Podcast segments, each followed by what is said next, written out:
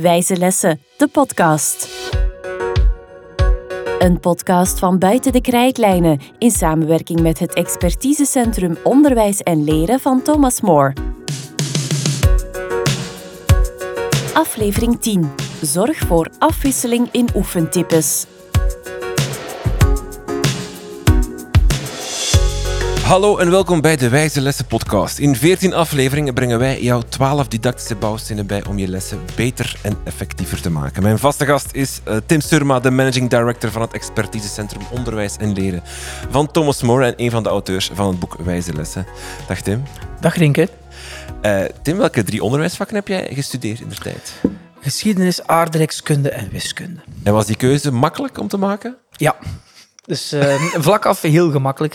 Uh, mijn drie favoriete vakken uit uh, het secundair onderwijs. Je hebt uiteindelijk voornamelijk wiskunde gegeven, ja. hè? Heb je, want aardrijkskunde heb je een beetje gegeven? Beet, oh, ja, het is te zeggen, um, in volume redelijk veel, maar vooral in het begin van... Uh, en geschiedenis nooit? Eén, één jaar, één uur. In het beroepsonderwijs heb ik uh, bij, bij 16, 17-jarigen in een opleiding uh, schoonheidszorg uh, geschiedenis gegeven. En dat was een, een heel boeiende vaststelling om te beseffen dat ze eigenlijk niet zo heel geïnteresseerd waren in de Franse revolutie. Dus ik heb, dan, uh, ik heb, ik heb toen mijn didactisch arsenaal heel mooi kunnen uitbreiden ja. uh, om dat toch behapbaar te maken. Okay. En, en dat was een, een, heel schone periode. Wie heb je vandaag meegebracht? Professor Paul Kirchner zit hier links van mij. Dat is een emeritus professor onderwijspsychologie aan de Open Universiteit en ook gastprofessor aan het expertisecentrum Onderwijs en Leren. Dag Paul. Dag Renke. Stel dat jij nu in, in het voortgezet onderwijs, zo heet dat in Nederland als ik juist ben, moet gaan lesgeven. Welk vak zou je dan het liefste geven? Ik heb uh, vroeger uh, lesgegeven in uh, wiskunde en biologie. En ja, even op een achternamiddag scheikunde. Dus een van die drie vakken zou je Een van die drie vakken. Ja. Nou, vooral wiskunde, denk ik. Oké. Okay. Dus wat dat betreft zit ik goed bij, uh, bij Tim. ja, wat? Het is hier wel veel wiskunde in mijn ja. zetel. Dus, uh, maar goed, maakt niet uit. Na het uitleggen komt het, uh, het oefenen. Je moet leerling iets laten inoefenen. En daarbij is het belangrijk, volgens de bouwsteen die we vandaag gaan bespreken, om af te wisselen in de verschillende oefentypes. Wat moet ik daaronder verstaan? Nou ja, een heleboel en heel weinig. Okay. Um, een heleboel is dat, um, wil je dat men wat ze geleerd hebben kunnen transfereren en goed gebruiken, moet je zorgen dat ze uh, kunnen onderscheiden wanneer dingen wel op elkaar lijken en wanneer niet. En wanneer al dingen niet op elkaar lijken, toch misschien dezelfde onderliggende factor of concept hebben. Hm. En dingen die uh, misschien wel op elkaar lijken, maar misschien datgene wat onder ligt heel iets anders is. Je kan het denken in termen van biologie, fenotype en genotype uh, als het gaat over de, de genetica. Dus um, dat wil je dat mensen die, dat kan discrimineren. En de enige manier om dat te doen is om ze ook in de oefensituatie te zorgen dat ze gedwongen worden bij het aanleren ervan te discrimineren. Wanneer gebruik ik A, wanneer gebruik ik B, wanneer gebruik ik C. En dat is de basis van uh, het variëren van oefenen. In het Engels heet het interleaving. In een boek wat ik geschreven heb met Jeroen van Merriamboer heet dat variability of practice. Dat is datgene wat je het beste kan doen. Is het dan het principe van als ik bijvoorbeeld wiskundige vergelijkingen laat oplossen, x is gelijk, of nee, x, 2x plus zoveel is, en dan moet je nou, bepalen wat eerder, x is. eerder betrekken in iets anders. Ik zou zeggen van, nou, je kan leren van hoe bereken je de uh, oppervlakte van een, een bepaalde driehoek. Ja? En het kan verschillende soorten. Je kan obtuse, ik weet het niet meer in het, Engels, het Nederlands, in het Engels wel. Right triangle, isosceles triangle. Um, Tim, vertaal even. Rechthoekige driehoeken, uh, gelijkzijdige driehoeken gelijkzijdige driehoeken. Ja, uh, kan doen. Nou, dan kan je, je hebt ook ook uh, allerlei andere, zoals een parallelogram en ja. wat dan ook. Je kan beter, als je wil leren, de oppervlakte gaan doen. Van ze door elkaar, van nu gebruiken we dit en dan gebruiken we dat. En als we het willen doen van een, een rechthoek, doen we het zo. En als van een parallelogram en als we het van een, wat mij betreft, dodecahedron, doen we het zus of zo. Ja? Op, op, allerlei manieren. In plaats van eerst alleen maar bij de ene soort, het ene soort uh, driehoek en dan bij een andere soort driehoek en dan bij een parallelogram en dan bij uh, een cirkel. Um, je kan ze beter door elkaar, want je steeds moet denken van... oh, wat moet ik hier gebruiken? Moet ik hier in, in, in, in, in een bepaalde lijn trekken ja. of niet? Uh, moet ik gebruik, rekening houden met dit en dat? In plaats van alleen maar A En dan B, en dan C, en dan D. Gewoon A, B, C, D, B, C, A, B, C, enzovoorts. Door elkaar.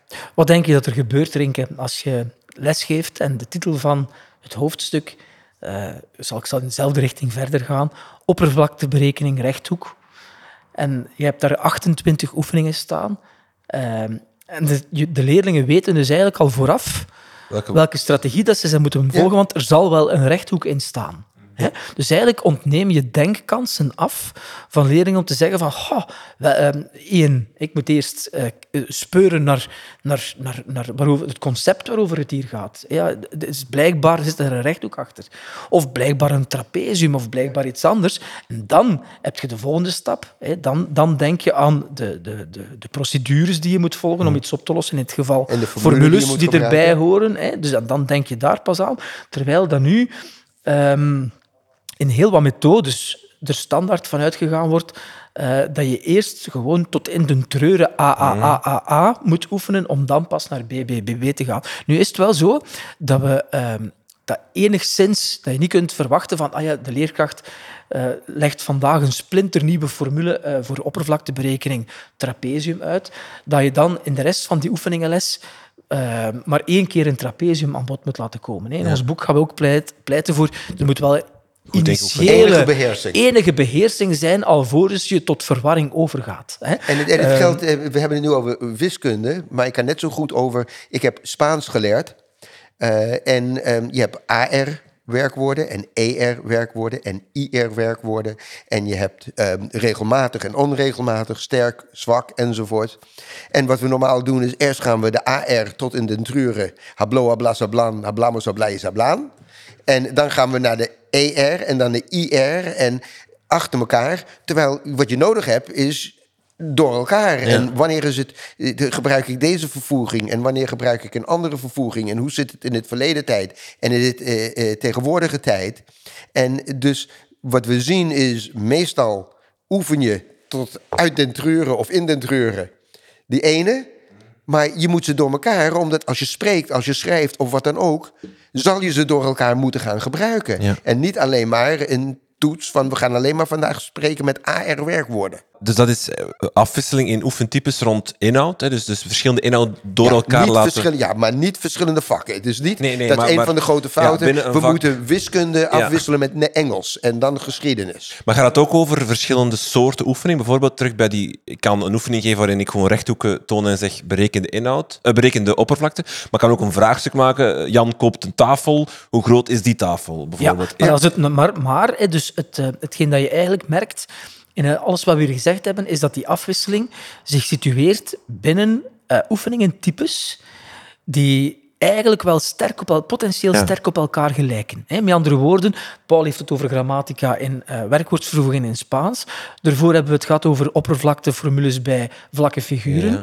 Uh, met andere woorden, uh, als je het voorbeeld dat jij nu geeft, dus rechthoek, en dat dient een vraagstuk over een rechthoek, dat blijft wel conceptueel gezien een rechthoek. Hè? Dus die, die variability of practice of die interleaving, die gaat hem eigenlijk meer over het feit van, ah ja, dit gaat over een rechthoek, ah ja, nee, nee, dit gaat over een cirkel, dit gaat over iets anders. Hè? Dus met andere woorden, dat is, een, dat is een eerste. Een tweede, het gaat inderdaad niet over vakken heen. Ik heb ooit een lezing gegeven voor ouders waarbij ik interleaving uitleg en er kwam een, uh, nadien kwam ik een mama uh, die in die lezing zat, een paar weken nadien tegen op straat. En die zei, ja, ik heb uw sessie goed gevolgd, want onze zoon die is dat nu echt aan toepassen. Tien minuutjes Frans, tien minuutjes geschiedenis, tien minuutjes... Dan dacht ik, oei, ik moet duidelijk uh, iets meer nuance in die ja. interleaving leggen. Dus ik zeg dat nu. Ik ben blij dat Paul dat expliciet gedaan heeft. Dus het gaat hem niet over het willekeurig door elkaar hosselen van verschillende topics, zelfs niet binnen één vakdomein. Nee. Dus als het over Spaans gaat, gaat het in dit geval over afwisseling in, van, van vervoegingen. En dus niet per se, ah ja, ik moet dat afwisselen door nu in de les Spaans een tekst over Franco te gaan lezen.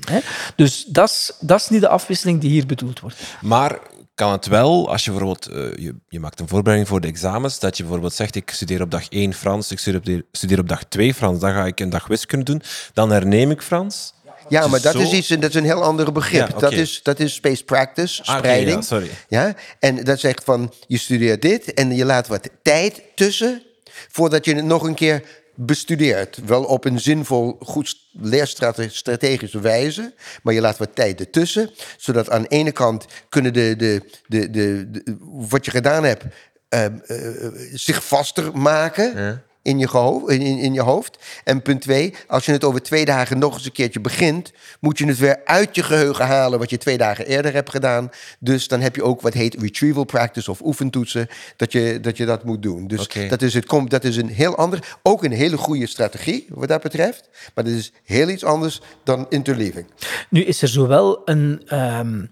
Er zit zo een, een, belangrijke maar aan die, aan die interleaving, die ook te maken heeft met hoe je evalueert.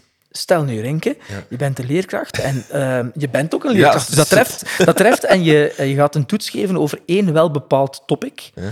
Uh, en, je, en, dan is het ook op dat moment uh, waarschijnlijk minder nuttig om vooraf die interleaving of die afwisseling toe te passen als je toch maar één ding toetst. Ik had destijds collega's ook Ehm, waarbij dat als we examens wiskunde opstelden, dat we zelfs in ons examen wiskunde in de titel schreven, op, op deze bladzijde worden de oefen, de examenvragen over de stelling van Pythagoras gesteld. Ja, op dat moment heeft interliefd voorbereiding geen nut, omdat je eigenlijk de leerlingen vooraf al bepaalt in welke richting dat ze moeten gaan denken. Hè? Dus het, het uh, interleaving is een fantastische uh, strategie voor oefeningen die je moet toepassen als je echt wil dat er geleerd wordt op lange termijn.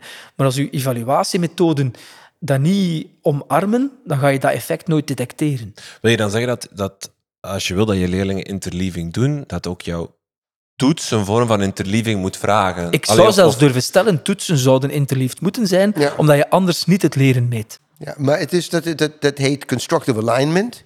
En dat is wat je wil bereiken, hoe je het wil bereiken en hoe je het toetst, moet op één lijn zijn. Maar op zich zal het wel vaak zijn, hè, om naar het Spaanse werkwoorden voorbeeld te gaan. Als je inderdaad de, de verschillende soorten Spaanse werkwoorden gaat toetsen, dan ga je ze door elkaar vragen. Dan ga je door, door ja. Waarschijnlijk. Precies. Tenzij dat je echt oefening 1 op AR... En, en je ziet echt op onderzoek dat als je eerst A alleen maar oefent tot beheersing en eigenlijk naar de tweede of de derde ben je een aap die een kunstje heeft geleerd en uh, weet je precies wat je moet doen. Op elke keer dat je dat doet, scoren de leerlingen naar de, de, de, de, de vijfde of de achtste of de tiende oefening 100%. Ze kunnen het perfect doen. Maar op het moment dat ze een proefwerk krijgen waarin A en B en C en D allemaal inkomen, dan zakken ze als de, de prestatie als een baksteen.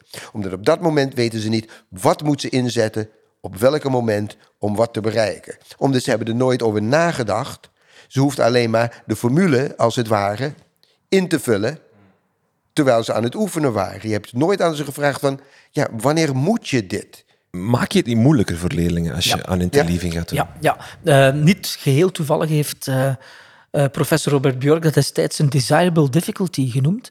Namelijk een moeilijkheid. Ja, met andere woorden, je bouwt eigenlijk iets, com iets complicerends in, waardoor leerlingen harder moeten nadenken. Maar het is net dat harder nadenken dat succes op lange termijn zal veroorzaken. Het is zo dat er heel wat onderzoeken zijn waarbij dat, uh, men bijvoorbeeld een groep leerlingen oefeningen aanbiedt die uh, afgewisseld zijn, versus gegroepeerd. Hè? Dus met andere woorden, allemaal, uh, bij gegroepeerd is het allemaal oefeningen A, A, A, A, A. En ja. bij interliefd is, zoals Paul zei, A, B, C, D, A, A, C, B, B enzovoort. Ja. ja. En dan zie je dat tijdens het oefenen zelf, in de les, dat de succeservaring van de leerlingen die afwisselend oefenen, oefenen een beetje ja, beduidend lager kan zijn. Zij maken logischerwijs meer fouten omdat ze geconfronteerd worden met hun eigen vergeten. Terwijl bij leerlingen die weten dat alle oefeningen gaan over de stelling van Pythagoras, ja, logisch dat de succesrate hoger is. Maar wat zie je dus wanneer dat je ehm, niet meer de prestatie van in de les meet, maar als je gaat meten op uitgesteld uh, uitgesteld gaat met, na een week of na een maand, dan zie je dat de groep die afwisselend geoefend heeft, veel minder vergeet dan de groep die eigenlijk geblokt of gegroepeerd geoefend heeft. Dus met andere woorden, je moet eigenlijk als leerkracht volgens mij ook die leerlingen uh, meegeven waarom dat gebeurt. Als je moet zeggen van kijk, in de oefeningen X nu opgelet, beste vrienden. Eh, er zitten oefeningen ook van andere uh, onderdelen in. Dus denk goed na uh, over welke strategie je toepast. En het kan zijn dat je nu meer fouten maakt, maar dat is niet erg. Ja, het, ze noemen het, maak het moeilijk, maar op een goede manier. Ja. Um, in het Engels zou je zeggen van no pain, no gain. ja? En soms doe je dingen in de trainingen die wel meer moeite kosten, maar op de, op de lange termijn leiden tot betere resultaten. Denk aan iemand die eh, in plaats van één trede tegelijk in een stadion oploopt en, en zo. Van de trainer twee of drie tegelijk moet gaan doen. Waardoor hij veel grotere afstanden moet overbruggen, zwaartekracht moet overbruggen en zo. En veel meer eh, eh, moe ja. aan het einde komt. Maar door, door de beensterkte, iemand zijn beensterkte en ook nog eens een keer het longvolume, uithalingsvermogen, vergroot. Dus je maakt het moeilijker, maar op den duur leidt het tot betere resultaten. Maar je mag het niet te vroeg doen. De beheersing moet er wel zijn van het nieuwe stukje Ja. dat je Ja, brengt. ik denk je moet kunnen lopen voordat je de trap Ja, op kan ja, lopen. voilà. ja, ja. natuurlijk wel. Hè. Dus je gaat merken dat die, eh, die, die variatie in oefentypes dat dat zich iets verder in een, oefen, in een, in een leerproces bevindt, dat je er niet automatisch mee hoeft eh, te starten. Is het dan de beste manier, of een manier dat je het kan doen, is dan als je iets nieuw aanleert, dat je er gewoon oude leerstofstukken terug bijbrengt? Bijvoorbeeld, je hebt al oppervlakte van een vierkant en een rechthoek ge- geleerd. Je leert aan parallelogram, je oefent dat en dan zeg je, en nu ga ik pak die oude er terug bij. Ja, nou, Ja. Met, het, met, het, met die ver- vervoegen. Ehm, ehm, je, je leert ehm, eh, dat eh, in Spaans eerst is het een O. Ja, hablo, hablas. Ja, bij, eh, bailar, yo, bailo, I, I dance. Ja, ik, ik, ik dans. Maar dan als je overgaat naar eh, onregelmatige werkwoorden... Nou, dan heb je venierwoord vengo. Wat je weet is dat het eindigt met een O... Maar je gaat niet door met de stam. Je, je, je, als het ware, je, je verandert de stam een beetje. Maar die vengo, vengas, venga, dat blijft hetzelfde. Dus je zegt, ja, dat is het. Maar de stam van het werkwoord verandert als het onregelmatig is. Ja, zulke soorten dingen. Is er een, een, een... Kan je te veel afwisselen? Kan het, kan het erover gaan? Ik weet niet van echt onderzoek daarnaar, die me echt een, zeg van, je moet zoveel. Maar men gebruik- gebruikt als een soort vuistregel. Je moet niet meer dan vier of vijf verschillende dingen door elkaar. Dus een trapezium en een, een rechthoek en een driehoek enzovoort. En een cirkel. Maar ga maar niet de hele scala van wat je kan eh, eh, bedenken. Dus niet, niet te veel, maar of met, met de ene ding kan vier te veel zijn, bij de andere kan zes te veel. Maar ehm, eh, ga maar niet proberen. Ik ga elk willekeurig ehm, mogelijk andere oppervlakte erbij gaan doen. Ja. En ten tweede denk ik ook, hetgeen dat er net al aangehaald is, eh, je kunt waarschijnlijk te veel oefen- oefentypes proberen afwisselen. Hè. Eh, maar je kan ook gewoon foute dingen beginnen afwisselen, zoals we net gezegd hebben, vakken door elkaar halen. Of in het, het voorbeeld dat je zo pas gaf over die, die, die oppervlakteberekening van een vierkant en een rechthoek. Eh, je hoeft daar niet per se dan verzamelingen leer, en dat bestaat eigenlijk niet meer. Eh, je hoeft daar niet per se letterrekenen bij te halen enzovoort. Ja, ja. Ik bedoel, dat mag, maar dan moet je niet denken dat dat het effect gaat creëren van, eh, van die interleaved practice. Moet je je doel voor ogen blijven houden als je aan interleaving doet? Ik bedoel, het heeft heel veel nut om inderdaad interleaving te doen bij verschillende werkwoorden, omdat die ook eh, door elkaar gaan voorkomen. Ja. Hè? Je moet dat kunnen, anders haal je, Maar bij, kan je het, geen geldt aan voor een heleboel dingen. Ja. Ik bedoel, ik, als ik wil dat een kind naar een museum kan gaan en eh, eh, het een- op een bepaalde manier kan, kan, kan bekijken, de, de tentoonstelling, dan is het wel handig om bijvoorbeeld verschillende soorten moderne kunst door elkaar te leren, zoals pointillisme, expressionisme, impressionisme, fauvisme en wat dan ook. Omdat dat zal je zo ook in een museum zien, als het komt bij, eh, zelfs bij één en dezelfde schilder, dat je het kan doen. Dus het, het, het is echt iets waar je overal kan gebruiken. Ehm, eh, en het is vooral als je moet leren discrimineren. Dat is echt de, de sleutelwoord. Als je moet uit elkaar kunnen halen van wat zijn de overeenkomsten die zorgen dat het, eh, de, maar, maar wat onderliggend anders is. En wat zijn de dingen die verschillen zijn, maar onderliggend precies. zijn allemaal moderne, maar de ene werkt zus. Ja? Die zijn allemaal pointillisten, maar die zit meer dicht tegen de favista. Ja? Dus op zo'n manier. Welke bronnen kunnen we hier nog over raadplegen die zeer interessant zijn om hier verder in te duiken?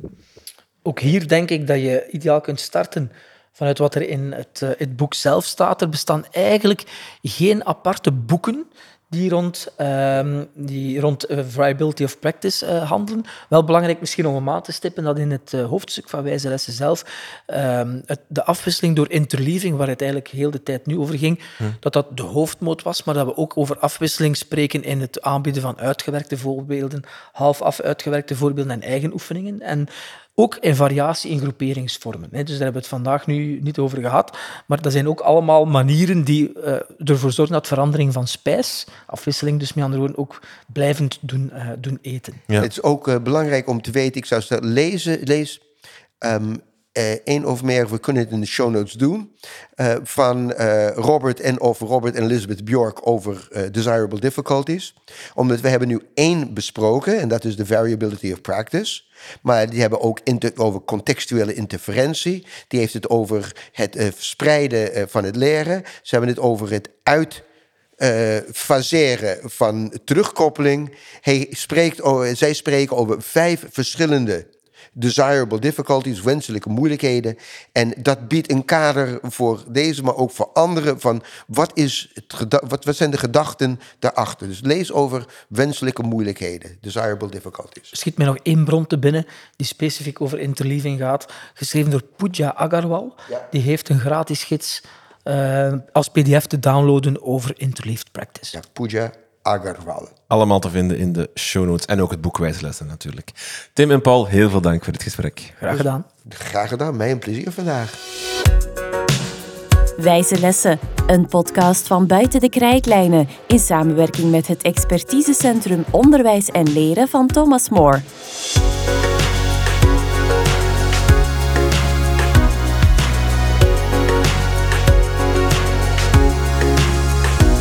Wil je meer weten over wijze lessen en deze podcast? Surf dan naar www.dekrijtlijnen.be.